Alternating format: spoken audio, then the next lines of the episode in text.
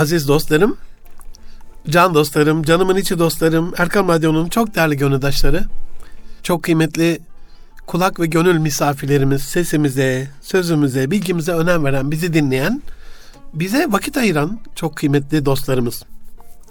Hepinizi Erkam Radyo Çamlıca Külliyesi'nden sevgiyle, saygıyla, duayla, muhabbetle, hürmetle selamlıyorum efendim.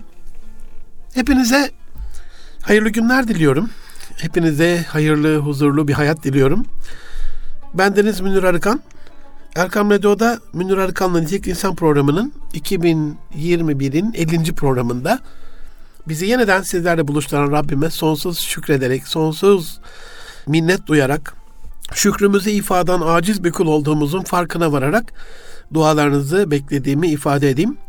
Son iki programımız 2021'in 51 ve 52. programında bu yılın programlarını bitireceğiz. Dolayısıyla sizden ricam biliyorsunuz ben yeni yayın dönemine göre Eylül-Ekim gibi başlatmıyorum programları. Benim yeni yayın dönemim Ocak 1 ile başlıyor. Dolayısıyla mali takvime uymaya çalışıyorum. Bu sebeple de yeni yayın döneminde yayınlamamızı istediğiniz konu başlıklarını, işlememizi istediğiniz konu başlıklarını, özellikle kendi mekanınızdaki başarı öykülerini, kendi mekanınızdaki sıkıntıları, bunlarla ilgili geliştireceğimiz çözüm önerilerimizi duymak istediğinizi iletirseniz memnuniyetle konuk önerisinde bulunabilirsiniz. Şöyle bir uzmanımızla da bir program yapınız diye. Dolayısıyla aziz dostlarım fikriniz başımızın tacıdır. Bize bir gongul hediyesidir. Fikrinizi, fikirlerinizi, e, değerli görüş, öneri, istek, arzu, hatta şikayetlerinizi bile bekliyoruz daha iyi bir geleceğe kavuşturmak adına programımızı. Aziz dostlarım, biliyorsunuz 3-4 haftadan beri bir hafta ara verdiğimiz için 4 hafta diyorum yoksa 3 haftadan beri sizlere Milli Beka projesi kapsamında bir milli güvenlik sorunu haline gelen e, gençlerimizin, öğrencilerimizin, okullarda bu işin sorumlusu olan öğretmenlerimizin e, vurdum duymazlığından, bir haberliğinden, hatta bazen karşıt görüşler beyan etmesinden dem vurarak Türkiye'de güzel şeyler oluyor. Türkiye'de güzel projeler oluyor. Türkiye'de o ya da bu yapsın, oncu, buncu, şuncu, cici, cığcı, izimli, bizimli değil. Bu ülke hepimizin olduğuna göre bu ülkenin evlatları güzel şeyler başarıyor. Hadi dostlar bunlara bir bakalım diye 3 haftadan beri sizlere bunu anlatıyordum. İlk hafta programın birinci bölümünde daha çok savunma sanayi projelerini ve programın sonuna doğru da biraz işte otoyolları, köprüleri, havalimanlarını, barajları, enerjiyle alakalı ve ithalat ihraç dengesi alakalı bazı e, rakamları sizlerle paylaşmıştım. İkinci bölümünde Milli Beka Mücadelemizin ikinci bölümünde yani geçen hafta 49. programımızda bir miktar sosyal e, ve kültürel alanlara değindim. Sadece savunma sanayi projeleri değil, TİKA'mızın dünya çapında yaptığı başarılı projelere, yurt dışı Türkler ve akraba topluluklarının yaptığı başarılı projelere, Yunus Emre Enstitüsü'nün yaptığı başarılı projelere, özellikle geçen ay 7 Türk Devleti'nin artı Macaristan'da katılmasıyla e, Türk Devletleri Topluluğu kurulmasının Türk Konseyi'nin isminin e, değiştirilerek Türk Dili Konuşan Ülkeler İşbirliği Konseyi biliyorsunuz. Kısaca Türk Konseyi. Türk Devletleri Teşkilatı oldu. Bunun geleceğimizi nasıl etkileyeceğinizi, etkileyeceğini, özellikle yurt dışında oradaki diasporadaki e, Müslüman, mümin, mütedeyin, muhafazakar kardeşlerimize e, başörtüsünden, sakalından, çarşafından, kılığından, kıyafetine, inancından türü zulmeden monşerlerin millileştirilmesiyle e, diplomatlarımızın millileştirilmesinin ne kadar yurt dışında bizi güçlendirdiğini 7 milyona bakın diasporada vatan evladımız var. Biraz milli projeler, biraz manevi projeler, biraz ahlaki projeler, sosyal projeler, uzay ve haberleşme, altyapı ve ulaşım, e, ulaşım araçlarımızla alakalı projeler özürleri destekle alakalı, korona döneminde özellikle sağlıktaki dünya çapında takdir gören ama e, yurt dışında gidip orada çile çekmeyen, buradakilerin de ne olduğunu anlamadan internette okuduğu bir yalan habere inanarak ya işte elin oğlu şöyle, Amerika böyle, Avrupa böyle, bizde hala şöyle gibi eleştirilerin içerisine düşmesinden dem vurarak korona dönemi ve illa korona dönemi olması şart değil, sağlıktaki büyük başarımızı anlattım. Enerji projelerini anlattım ve e, 49. programı bitirmiştim. Özellikle baraj projelerinden bahsetmek istiyorum. Aziz dostlarım, 50. programın e, başlangıcında geçen Yusufeli Barajı'nı e, ziyaret etme şansımız oldu. Twitter'da da paylaştım. Gecenin 12'yi geçmişti saat yani 1'e doğru bir tepenin başında grayderler, e, kepçeler sadece kendi önünü aydınlatan bir ışık sistemiyle o dik ve sarp kayalık yamaçta çalışıyordu. İşte dedim e, Türkiye'nin geleceğini inşa eden isimsiz kahramanlar. Sonra birkaç tanesiyle orada bir çay içme, biraz muhabbet etme şansımız oldu. Mühendislerden birkaç arkadaşla bir araya gelme şansımız oldu.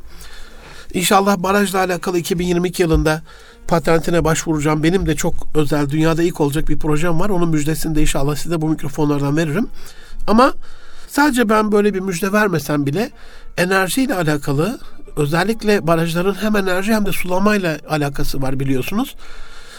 Ee, çok büyük geleceğimize olumlu manada bizi rahatlatan, ülkemizi daha fazla yeşillendiren, ülkemizi daha fazla ışıl ışıl yapan, daha fazla enerjiye, daha fazla kalkınmaya, daha fazla sanayiye çeviren, dönüştüren bir etkisi var.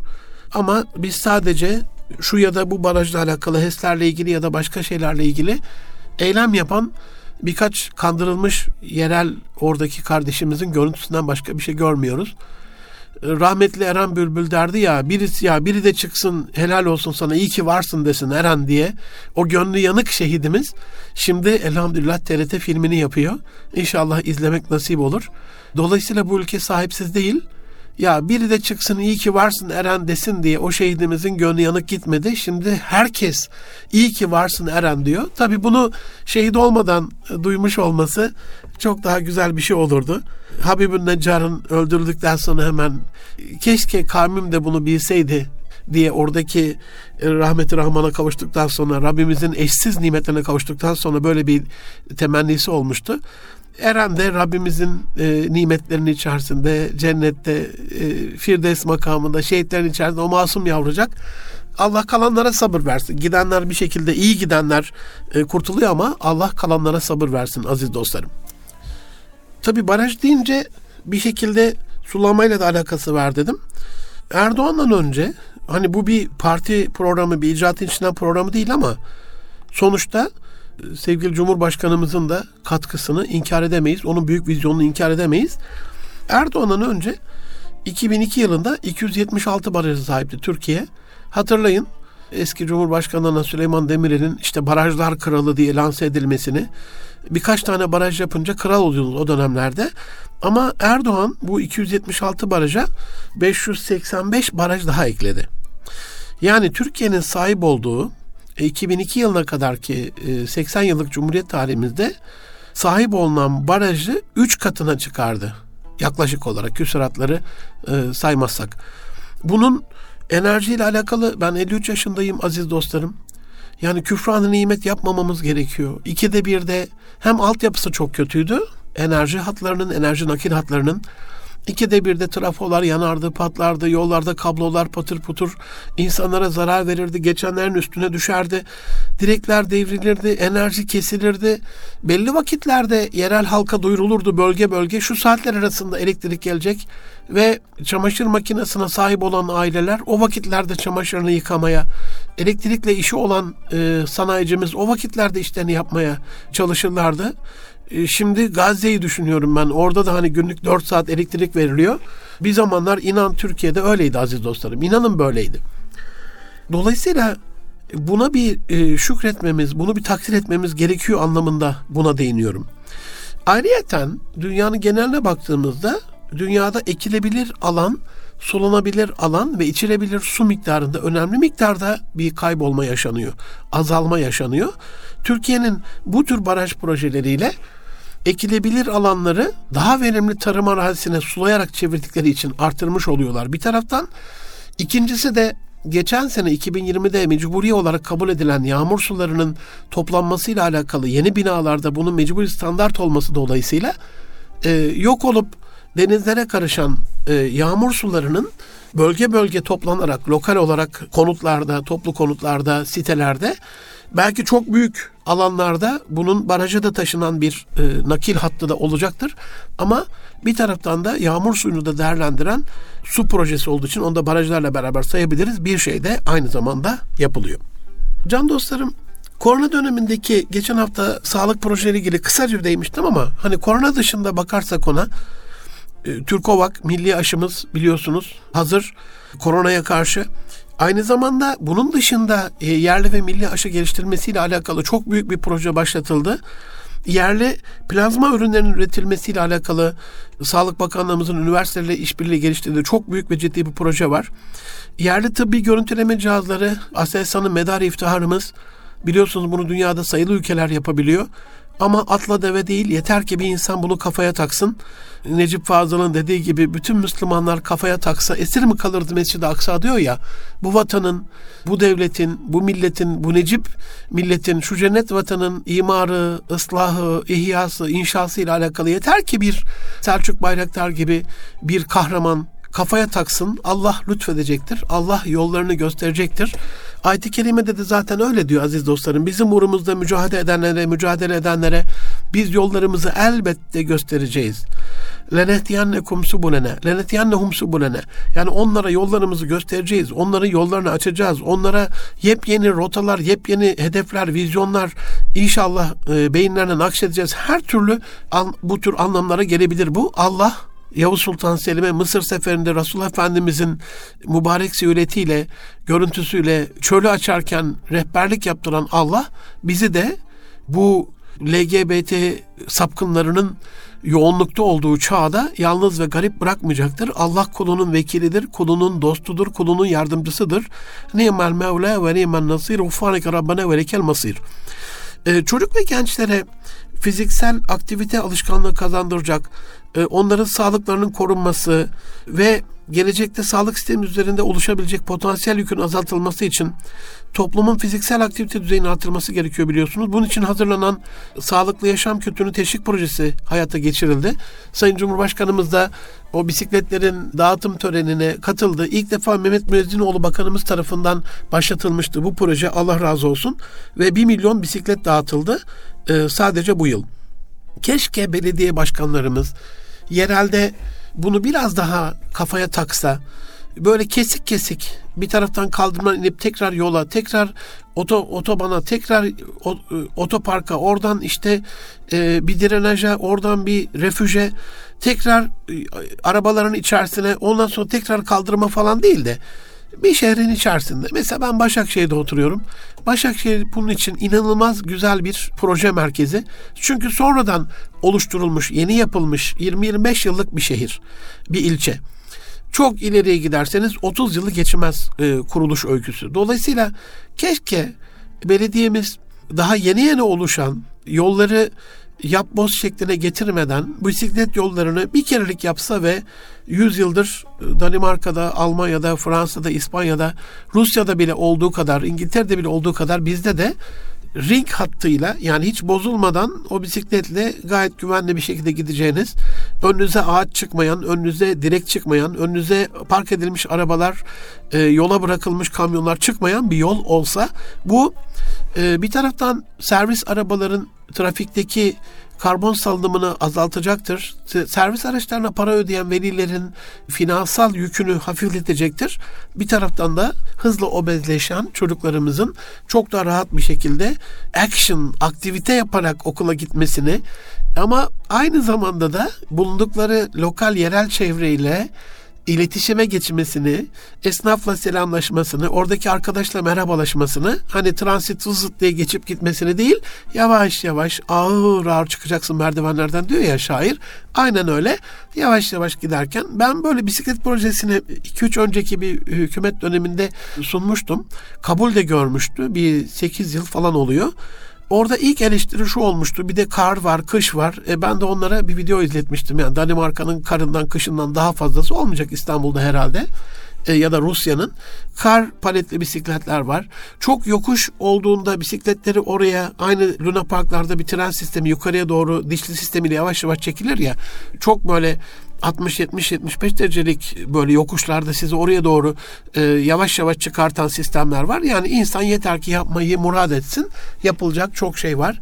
Bir programımı bu bisiklete adamayı söz veriyorum. Çünkü orada e, kargo taşımadan posta dağıtımına özellikle yeni caminin arkasından başlayan o trafik keşmekeşine, yay keşmekeşine oradaki biraz daha yukarıya doğru ta İstanbul Üniversitesi'nin oraya kadar çı- çıktığınız bölgenin o taşıma hammal kardeşlerimizin o eşya taşıması, turistlerin o bavul taşıması gibi bütün bunlara çözüm getirecek. Hatta dar yollara bisiklet itfaiyelerle su taşıyacak. Hatta çok daha dar engebeli yollarda bisiklet, motosiklet ambulanslarla kazazadeyi taşıyacak sistemler. Dünyada ilk örneklerini kendim e, bulduğum ve projelendirdiğim, konsept projesi haline getirdim. İnşallah ayrı e, bir projeyi buna ayırırım. Çünkü orada 350-400 tane madde var. Bu bizim sağlığımız için ve e, yerel hayatın korunması, çevremizin korunması ilgili çok önemli. Can dostlarım, Sayın Cumhurbaşkanımızın değerli eşi Emine Erdoğan hanımefendi sürekli eleştirilir. İşte şimdi profesörlere konuşuyor, üniversiteye konuşuyor, doktorlara konuşuyor. Ama bütün dünyada kadim bir gelenek vardır. E, modern dünyada bir tahammül vardır. First Lady dedikleri başkan, cumhurbaşkanı ve başbakanın eşleri bu tür projelere manevi hamilik yapar. Onların himayelerinde yürür. İlla o konuda bilgi sahibi olmanız lazım değil. Ben bu konuda Emine Hanımefendi'yi yürekten tebrik ediyorum. Ona yürekten teşekkürlerimi, takdir makamı değilim ama takdirlerimi arz ediyorum. İki konunun birincisi sıfır atıkla alakalı başlattığı proje bütün kurumlar tarafından benimsenen, sahiplenilen, ülkemizin çevre felaketinden kurtulmasına bir adım daha vesile olan, bizi bir adım daha kurtuluşa yaklaştıran ve dünyada da kabul gören çok saygın ödüller gelmesine vesile olan bir çabaydı. Allah razı olsun. Çok eleştirildi ama eleştirileri duyuyoruz. Takdiri, övgüyü de biz yapmış olalım.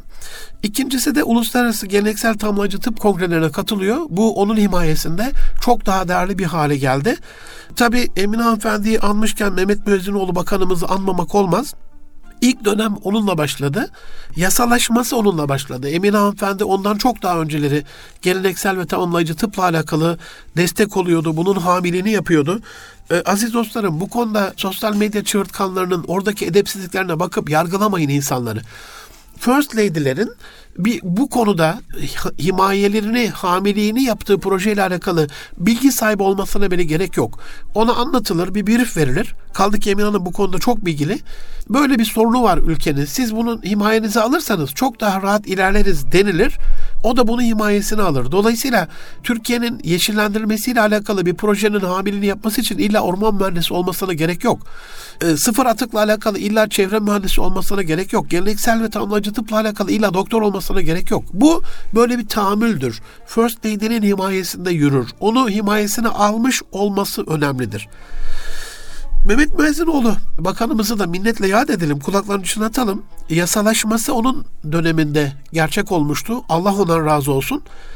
Mehmet Müezzinoğlu e, zamanına kadar nerede bir geleneksel kadim derlerimize göre tamamlayıcı bir tıp var. Nerede bir tıbbı nebevi var. Nerede bir kadim derlerimize göre bir şifa unsuru var.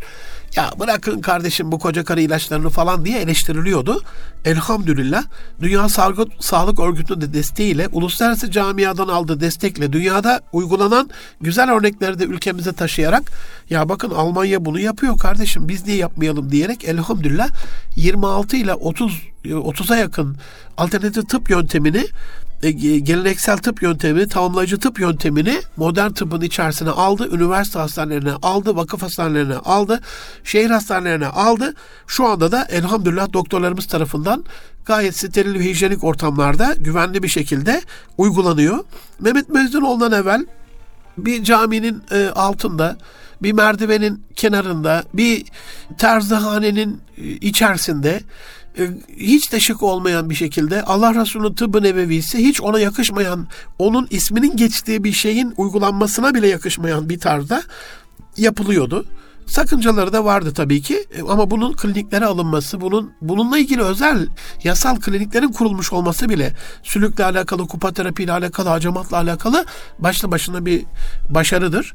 E, kaldı ki arı terapiyle alakalı, fitoterapi, geleneksel tıpla alakalı ne kadar şey varsa unsur bunun alınmasında çok çok önemsiyorum. Bu yurt dışına bağımlılığımızı azaltan özellikle Fransa'ya ve Almanya'ya ödediğimiz konsantre ilaç ekstratlarının azalmasını sağlayan e, bir şey olacak. Can dostlarım Türkiye'nin bu dönemde en büyük biyo e, ilaç üretim tesisi bir özel şirket Abdi İbrahim tarafından e, hükümetin desteğiyle hizmete açıldı 2018 yılında. Aradan geçen e, bu 3-4 yıllık zaman diliminde baktığımız zaman çok başarılı bir proje olduğunu görüyoruz. E, bir de bu sağlık projelerine İnşallah bu tek olarak kalmaz örnek. Diğer ilaç firmalarımız da bunların yanında bizim e, Avrupa'ya olan bağımlılığımızdan kurtarır. Burada ağzımı bozmak istemiyorum. E, Avrupa'nın tek dişi kalmış canavar, sömürgeci, katliamcı, soykırımcı ülkeleriyle alakalı. Ama sadece insanlarda yapmadılar soykırımı. Hala Anadolu'da kamyon kamyon toplayıp köklerini söküp e, tıbbi ve ıtırlı bitkilerimizi götürüp sonra bunları kimyasal e, bir formata dönüştürüp tonlar tonlarcasını böyle belki bin dolara götürdükleri bir şeyin gramını bize bin dolara satacak bir duruma geliyorlar. Elhamdülillah bu konuda e, Orman Genel Müdürümüz e, Bekir Bey'e buradan e, hürmetlerimi arz ediyorum. Çok iyi çalışıyorlar. Orman Bölge Müdürlüklerindeki mühendislerimiz çok iyi çalışıyorlar. Allah hepsinden razı olsun oradaki bekçilerimizden. Büyük bir bilinç oldu. Bu tür hırsız alçaklara artık müsaade edilmiyor. E, hemen köylü de bilinçlendi, ihbar ediyorlar yerel olarak oradaki halk ve bunlar Türkiye'de Türkiye'nin tıbbi ve tırlı bitkisinin soylarını kurutmaya çalışan bu hırsızları e, gümrükler de bu konuda Allah razı olsun çok iyi çalışıyorlar. Her hafta hemen hemen bir iki haber duyuyorum. Artık buna izin verilmiyor. Bu anlamda Son bir şey söyleyeyim sağlıkla alakalı. Ondan sonra kısa bir ara vereceğim. Türkiye'de hastanede bulunan tek kişilik oda sayısına baktığımızda aziz dostlarım geçen ay torunum İsmail yavrumuzu e, Başakşehir Çamsakur Hastanesi'nde ameliyat ettirdik. Zülfü Sertkaya hocamı buradan minnetlerimi, takdirlerimi, şükranlarımı arz ediyorum. Allah razı olsun bütün çabası için. Şifaya bulduk elhamdülillah. Şifaya kavuştu yavrucak. Küçük bir ameliyattı ama dolayısıyla 4-5 kişilik bir odada olamaz yani. Bir de yani yabancı uyruklu Türkçe biliyor ama eşinin yanında olması gerekiyor. E, yanında da refakatçi almıyorlar. E, Covid, Movid dolayısıyla düşünün zorluğu. Ama elhamdülillah hani bu tek kişilik odaların ne kadar kıymetli olduğunu ancak ameliyat olmuş ve onun yanında refakatçi kalan insanlarla ameliyat olmuş ve arada inleyen, arada bağıran, çağıran, öksüren, aksıran, farklı özel halleriyle orada tek başına olmak isteyen hastalar bilebilir. E, ben o hastalarla gittiğim zaman görüşüyorum, onlarla röportajlar yapıyorum, onların dertlerini dinliyorum. Geçen bir tanesi ağlattı beni böyle dedi ki Recep Tayyip Erdoğan geç diyecekler mahşerde. Bak dedi burada ben nasıl geçiyorum böyle bir kimlik göstererek geç geç geç kimse beni tutmuyor. Ben hocam dedi bu, buralarda bu bölgelerde çok inim inim inlediğim dönemler oldu 30 yıl önce. 35 yıl önce ilaç bulamadığım ameliyat için 2-3 yıldan evvel gün alamadığım çok zor günler yaşadım hocam dedi. Ben ben de ağladım yani tutamadım kendimi. Bir dua niyetine geçer inşallah. Yani hakikaten şu anda bir kimlikle geç geç geç bütün e, sistemlerde filminiz çekiliyor, ameliyatınız yapılıyor, bakımınız yapılıyor, yoğun bakım alınıyorsunuz, ilaç tedavisi uygulanıyor. Tek kuruş külfeti düşmeden üzerinize devlet bunu karşılıyor. Dolayısıyla Allah razı olsun demeyi de ihmal etmememiz gerekiyor. Bununla ilgili bir rakam verip kısa bir ara veriyorum. Erdoğan hükümeti kurulmadan evvel 2002 yılında 18.934 tek kişilik oda sayısı varmış Türkiye'de bütün hastanelerde. 2021 son rakamı 100 bin küsür. Küsuratları atalım. 18 bini yuvarlayalım 20 diyelim. Buna da 100 bin diyelim 5 katı. 80 yılda yapılanı ama bize neyi kafamıza böyle çaktılar? Bir hastane odası tefriş ettiğinde Lyonslar, Lyonesler, e, Mason hocaları, valiyi, kaymakamı, belediye başkanlığı Ondan sonra emniyet müdürünü, jandarma komutanını, Tukay komutanını alarak şaşalı böyle ya bir oda tefriş etmişsiniz. Oraya da çok güzel böyle bir e, kendi logolarıyla tabela çakarak işte e, devlet hastanesinin bilmem ne odası işte şu Lyons'a hayrına ya da onun adına tefriş edilmiştir diye bir oda tefriş etmeyi o ilçede o ilde büyük bir gümbürtüyle kutlayan adamlar şu anda beş katına çıkan özel bir niteliğe kavuşturulan neredeyse tek kişilik odaların beş yıldız otel konfordaki odaları yok saymaları benim vicdanıma dokunuyor. O anlamda siyasi görüşleri farklı olan kardeşlerim e, lütfen beni e, Allah rızası için affetsinler. Bu bir siyasi program değil. Bu e, bir icraatın içinden programı değil. Eleştirdiğimiz yerler oluyor. E, ama Sezar'ın hakkı Sezar'a iyi yapılanları da görüp genç nesle bir umut vermek zorundayız. Efendim ben Deniz Münir Arkan. Kısa bir aradan sonra Nitek Lisan programının ikinci yarısında sizlerle beraber olacağız. Huzur bulacağınız ve huzurla dinleyeceğiniz bir frekans. Erkam Radyo, Kalbin Sesi. Aziz dostlarım, can dostlarım, ben Deniz Münir Arıkan. Nitek İnsan programında yeniden beraberiz. Milli Beka mücadelemizi bir yeniden diriliş ve kurtuluş e, mücadelesinin üçüncü bölümündeyiz. Üçüncü bölümün ikinci bölümünü arz etmiş oluyorum size. Orman projelerinden biraz bahsetmek istiyorum. En son sağlık projelerini anlatmıştım. Orman varlığı Türkiye'nin NASA'nın en son çektiği uzay fotoğrafında da çok belirgin bir şekilde yeşillenmeyi gördüğümüz gibi 22 milyon hektara çıkmış. Sadece Erdoğan döneminde 6 milyara yakın fidan dikilmiş. Bu Cumhuriyet tarihinin toplam dikilenlerini neredeyse 3'e 4'e katlıyor. Orman bölge müdürlükleri çok daha işler hale getirilmiş. Bizzat ziyaret ettim. 28 orman bölge müdürlüğü ziyaret ettim. Her birinden bölgelerde e, farklı farklı projeler gördüm. Kimisi bir özel tıbbi ıtırlı bitkinin yağını çıkarmış, kimisi orada özel bir mantar projesi yapmış, kimisi orman köylüsüne özel projeler geliştirilmiş. Tabi bölge müdürlüğüne bağlı değil bu. Bakanlığımızın ve Orman Genel Müdürlüğü'nün de projesi olarak. Yeter ki orman köylüsü gelip orada ağaç kesip ormanı yok etmesin ama onun da hayvancılıkla alakalı, işte oradaki tarımla alakalı faizsiz krediler sağlanarak istihdam edilmesi, girişim yapması sağlansın diye çok özel projeler yapılmış. Dolayısıyla böyle böyle orman varlığı artırılırken e, biz neyi biliyoruz? Biz şunu biliyoruz. Klişe olmuş ağızlarda sakız gibi gevelenen affedersiniz ama bir cümle var. Yine yakıyorlar otel yapacaklar. Allah rızası için bir dakikalığına beni çok daha hassasiyetle dinlemenizi istirham ediyorum. Yine yakıyorlar, otel yapacaklar. Aziz dostlarım, birincisi bu ihale bizim üstümüzde kalmaz. Çünkü biz Müslümanların öyle beş yıldızlı otel bilmem ne falan bunlarla işi olmaz. Birkaç tane muhafazakar otel var. Onların da nerede olduğunu biliyorsunuz zaten. Yeni yapılan otellerin hepsi bizim camianın dışında ö- öbür tarafın turistlerle, açık saçık şeylerle, üst yüz denize girilen, mayolarla, bikinilerle, bilmem nelerle, alemler yapılan otelleridir. Bizim bununla bir işimiz olmaz. Biz niye yakıp da böyle bir şey yapalım. Yani kendi bir de cehennemin çocukları diye çıktı işte PKK'nın uzantısı biz yakıyoruz diye videoları bilmem neleri var. Hala bunu e, Müslümanların üzerine bir yafta olarak atmış olmaları onların algıyı iyi yönettiğini, bizimse hakkıya, haklıya hakkaniyetle davranıp hakkını vermediğimiz için, onu yüceltemediğimiz için, iyi yapılan şeyleri desteklemediğimiz için zaafımız hatta günahımız olarak görünüyor. Ben en azından e, bir konuşma makamında olan, bir mikrofon e, emanetçiliğini yapan bir kardeşiniz olarak dayanamadım. Konuşmak zorunda hissettim özellikle büyüklerimin de tavsiyesiyle beni tanıyan insanların ya Münir'cüm konuşman lazım, anlatman lazım dediklerinden sonra biraz daha böyle anlatma arzum coştu. Ondan evvel hani biraz siyasi olur mu, bu konulara girmek uygun olur mu diye düşünüyordum. Ama kimle konuştuysam ya Münir'cüm bunu senin de anlatman lazım dedikleri için size biraz daha iştiyakla şevkle anlatmış oluyorum. Can dostlarım, aziz dostlarım toplu konut projeleri var.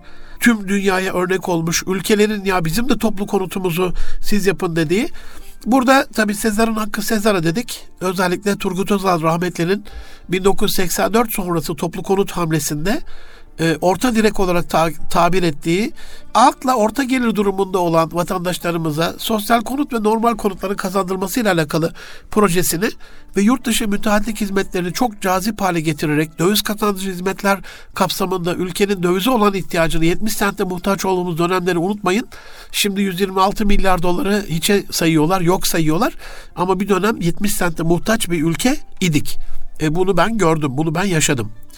Dolayısıyla Turgut Özal rahmetli döneminde e, yurt dışı müteahhitlik hizmetleriyle özellikle Rusya'da, Libya'da, Suudi Arabistan'da bazı Afrika ülkelerinde hatta e, Amerika kıtasında yapılan konutlar vardı.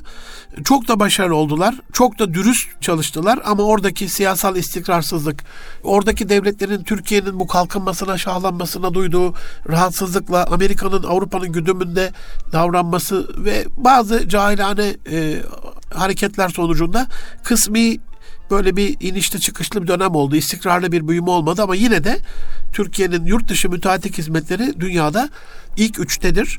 Medar iftiharımızdır, gururumuzdur. Ee, Allah yurt dışında gurbette sıla e, hasreti çekerek iş yapan ve orada bizim adımızı, itibarımızı, bayrağımızı dalgalandıran bütün diasporadaki e, gurbetçi vatandaşlarımızdan razı olsun. 19 yılda geçenlerde 1 milyonuncu konut tesliminde konuşmuştu Sayın Cumhurbaşkanımız oradan biliyorum. 1 milyon konut yapmış bir adam düşünün Cumhuriyet tarihinde toplam yapılan e, devlet eliyle dağıtılan hani biliyorsunuz TOKİ Toplu Konut İdaresi Emlak Yatırım Gayrimenkul şu anda ortaklaşa yapıyorlar. Ondan evvel ben inanın çocukluğum ve gençliğim banker Castelli, Castelli, Castelli bununla geçti yani. Ne kadar vurgun varsa kooperatif vurgunuyla geçti. E, duyardık her hafta bir vurgun, bir adam para topluyor sonra da tüymüş, tüy bitmemiş yetimin hakkı diye de oradan geliyor ve e, hem ev alma umudunuz gidiyordu hem o paranız çarçur ediliyordu. Devlet eliyle yapılan vurgunlar da maalesef vardı. Özellikle Milli Eğitim camiasını çok yakından ilgilendiren bununla alakalı kamuoyunda çok meşhur tanınmış simaların intiharlarına şahit olduk yani gençliğimizde. Ama şu anda devletin garantisinde bir yere para verdiğinizde onun kesinlikle ne zaman biteceğini biliyorsunuz. Verilen ya da ödenen taksitlerin ne kadar artışla ya da ne kadar sabitlemeyle gideceğini biliyorsunuz. Bir taraftan da sosyal konutla 5000 TL peşinat böyle 600-700 liralık da taksitlerle bölge bölge devlet konut dağıtıyor. Özellikle Güneydoğu Anadolu'ya gitmeyen dostlarımız e, son dönemlerde yolları düşerse bir baksınlar yani. Bir zamanların harap olan ilçelerine, illerine orada nasıl bir konut seferberliği ve nasıl modern bir şekilde şehrin imar edildiğine. Tabi bunu söylerken aziz dostlarım gönlümün yarısını dediğim gibi Sezar'ın hakkı Sezar'a ama yanlış gördüğümüzde söyleriz. Ben toplu konut evet bunun yapılmasını e, önemsiyorum. Ama bizim medeniyetimize uygun mu? Bizim şehircilik anlayışımıza uygun mu? Bizim mahalle kültürümüze uygun mu derseniz özellikle bizim anne babalarımızla beraber oturmamıza, aynı evin içinde olmamıza gerek yok. Ama aynı apartmanda olabiliriz. Apartmanın ön yüzü ailenin, arka tarafı, arka bahçeye bakan tarafı, bahçeli tarafı aile büyüklerinin olabilir. Ya da ön yüzü aile büyüklerinin arka tarafı bizlerin olabilir. Ama aradan bir geçiş kapısıyla aynı dairenin farklı bir külliyesiymiş gibi anne babaların da böyle en azından yemeğini götüreceğiniz, akşam bir araya geleceğiniz ama kapıyı kapattığınızda da kendi aile hayatınızı yaşayacağınız bir örnek model. Bu anlattığım model örnek olmayabilir ama bunun uzmanları var, ulemalar var, kanaat önderleri var, üstadlarımız var. Onlar bunu düşünürler. Ama şu anda var olan yapının ne bizim milli manevi değerlerimize uygun olduğuyla alakalı geçen Mehmet Ali Bulut abiyle konuşurken söylemişti. Belki bu mikrofonlardan da söylemişimdir. Türkiye'de bereketsizlerin bir kaynağı toplu konutta tuvaletlerin giderleriyle mutfağın giderlerinin aynı kanalizasyona verilmesi dolayısıyla nimete olan hürmetsizliğin evlerde bereketsizliğe yol açması demişti. Bunu çok çok önemsiyorum. Şehrin görünüşü açısından, altyapısı, üst yapısı, siyületi, kimliği, şehrin ruhu açısından bize uymuyor. Bu kesin. Kim alınıyorsa alınsın bunu üzerine. Ama konutun yapılmış olması hani başımızı sokacak bir yerimiz olsun manasında oradaki dar gelirli vatandaşların bu konutlarda yerleşmiş olmasını çok önemsiyorum. Yüksek öğrenim yurt projelerine bir bakalım. Aziz dostlarım, 3-5 tane çapulcu terörist parklarda birkaç gün yatınca Türkiye'nin gündemi oldu. Neden bunu anlatmıyorsunuz? Dünyada yüksek öğrenim öğrencilerine en kaliteli, en fazla barım imkanı sağlayan ülkeyiz. 3-5 soysuz teröristin parklarda eylem yapması bizi yıpratmamalı. Bir araştırın Allah rızası için bir bakın Amerika ne yapıyor, Avrupa ne yapıyor, Uzak Doğu ne yapıyor. İnanın gezmediğim yer kalmadı Türkiye'de. Bir, belki 150 yakın ilçe kaldı.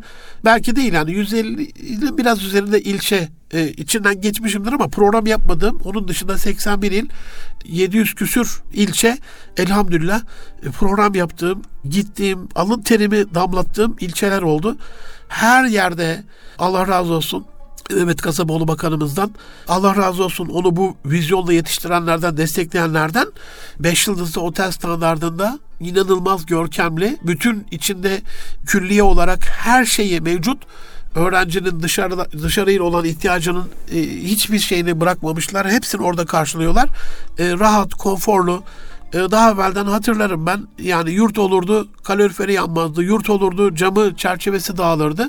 ODTÜ'de bile aziz dostlarım bizzat yaşadığım anekdotumu anlatıyorum. Canlı şahitleri hala hayattalar. E, Saffet Arıkan Bedük Ankara Valisi'yken yurdu orada biliyorsunuz listeler müracaat ediyorsunuz. Sıranız gelince kazanıyorsunuz. İki ay sonraydı bana yurt çıktı.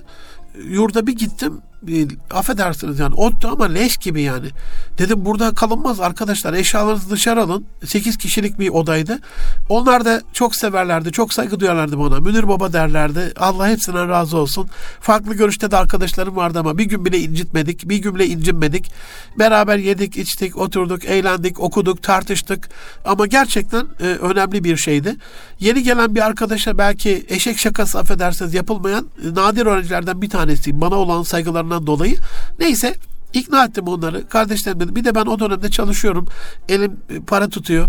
Biraz daha onlara göre gelir durum iyi. Ben dedim bu odamızı pırıl pırıl boyamak istiyorum. İzin verirseniz. Bir günlük bana müsaade edin. Eşyalarınızı şu koridora çıkartın. Siz de bir gün başka arkadaşa gidin. Başka bir yerde kalın ama şeyden etkilenmeyin hani boyadan. Ben yurdu boyarken geceliğin olacak bu ya. Saffet Arıkan Bedük geldi Ankara valisi. E, denetim yapıyorlar rektörle beraber. Bir gördü böyle o kadar çok takdir etti ki aslında e, gayri yasal bir şeydi yani. Sonra rektör de kemküm etti efendim biz de boyarız falan diye. Ya dedi bak adam boyuyor işte dedi delikanlı. Ondan sonra da hani ben benim soyadım Arıkan o Safet Arıkan dedik ya biz Ankara valisinin böyle yeğeni falan zannederek çok daha böyle bir itibarlı hale gelmiştim de alakası yok. Ama böyle bir şeyde yaşadım. Yani duvarları, badanaları, boyaları dökülen, sobası, kaloriferi yanmayan, camları, çerçeveleri darmadağın içeride çok böyle elektriği bile bazen yanmayan yurtlardan 5 yıldız otel konforunda yurtlara geldi öğrencilerimiz. En azından anne babaların çocuklarını böyle teslim ettikleri zaman izin isteyip ya biz bir görebilir miyiz çocuklarımızın? Efendim izin verilmez. Ne demek verilmez? Hiçbir şekilde böyle bir şey olamaz. Sayın Bakanımıza kadar yazabilirsiniz bununla alakalı. Çocuklarınızın hangi ortamda yaşadığıyla alakalı anne baba olarak bilgi alma hakkınız vardır bir görün, bir resim çekin, bir paylaşın. İnsanlar olmasın. İnsanların paylaşmama ile alakalı hassasiyetleri olabilir. O kanuni bir hak değil ama e, boş yurdun e, boş odanın resimlerini elbette çekebilirsiniz ve paylaşın yani deyin ki bizim evladımız elhamdülillah devletimizin, hükümetimizin sağladığı bu imkanlarla şöyle güzel bir yerde kalıyor. Şimdi ben de evladımla konuştum. O da bu güzel yerin zekatını çalışarak bu vatana millete borcunu ödeyerek başarıyla yerine getirecek diye de paylaşın. Can dostlarım son dönemde e, epey bir Türkiye'nin gündeminde e, bir numara olan doların yükselişi ve herkesin dolar dolar dolar sözüyle yatıp kalktığı e, bir dönemde ihracattaki başarıdan biraz bahsetmek istiyorum. Bir kere dolarla ilgili bütün yapılanlar spekülatif, Türkiye'nin belini kırmaya çalışan, Türkiye'nin elini güçsüzleştirmeye çalışan, Türkiye'yi diz çökmeye, boyun eğmeye zorlayan bir Amerikan ve Avrupa Birliği oyunudur. Bu bu kadar açık ve net. Ama diz çökmeyeceğiz ama yere kapaklanmayacağız Allah'ın izniyle. Türkiye Cumhuriyeti ihracatta tarihinin rekorunu kırdı aziz dostlarım. Ekim ayında mesela yüzde 20 artışla 21 milyar oldu. Küsuratlarını atıyorum. Cumhuriyet tarihinin en yüksek aylık ihracat değeri her ay tazeleniyor. Yani bir ay sonra bakıyorsunuz Eylül'de ihracat rekoru, Ekim'de, Kasım'da, Kasım'da da ihracat rekoru kırıldı. Türkiye'nin 215 milyar dolarlık ihracat başarısı Türkiye tarihinin, Cumhuriyet tarihinin en yüksek ihracat e, değeri oluyor. Bu 12 aylık ihracat değerimize baktığımız zaman bu 215.7 216 ama 215 diyelim. Bu da yeni bir rekor. 2020 21 yılı değerlendirmesine baktığımızda da 2021'in Ocak-Ekim dönemindeki ihracatımız geçtiğimiz yıla e, karşılaştırdığımızda yüzde 40 e, yüzde pardon 30 34 33.9 e, 34 diyelim ona e, 181 milyar dolar olmuş. Yani henüz 2021 yılının 10. ayını kabul edersek 2019 yılında yakalam, yaptığımız bütün ihracatın hepsini geçmişiz daha. Yani Ekim'i esas alıyorum. Kasım ve Aralık var. iki ay daha eklenecek buna. Ee, Ekim'deki son değeri almıştım burada. Dolayısıyla dünyaya bakıyoruz ekonomisi olmayan, yatırımı olmayan, savunma sanayisi olmayan, altyapısı olmayan, enerjisi olmayan, e, hiçbir ihracatı olmayan, e, abudik gubidik ülkeler para değerleri çok yüksek tutuluyor. Ondan sonra da bizdeki bazı cahiller çıkıp işte Papua Yeni Gine'nin bilmem e, Tanzanya'nın bilmem Kongo'nun Bulgaristan'ın bilmem neyin e, levası kadar olmadı TL'miz değer kaybediyor bilmem ne. Ne yapsın?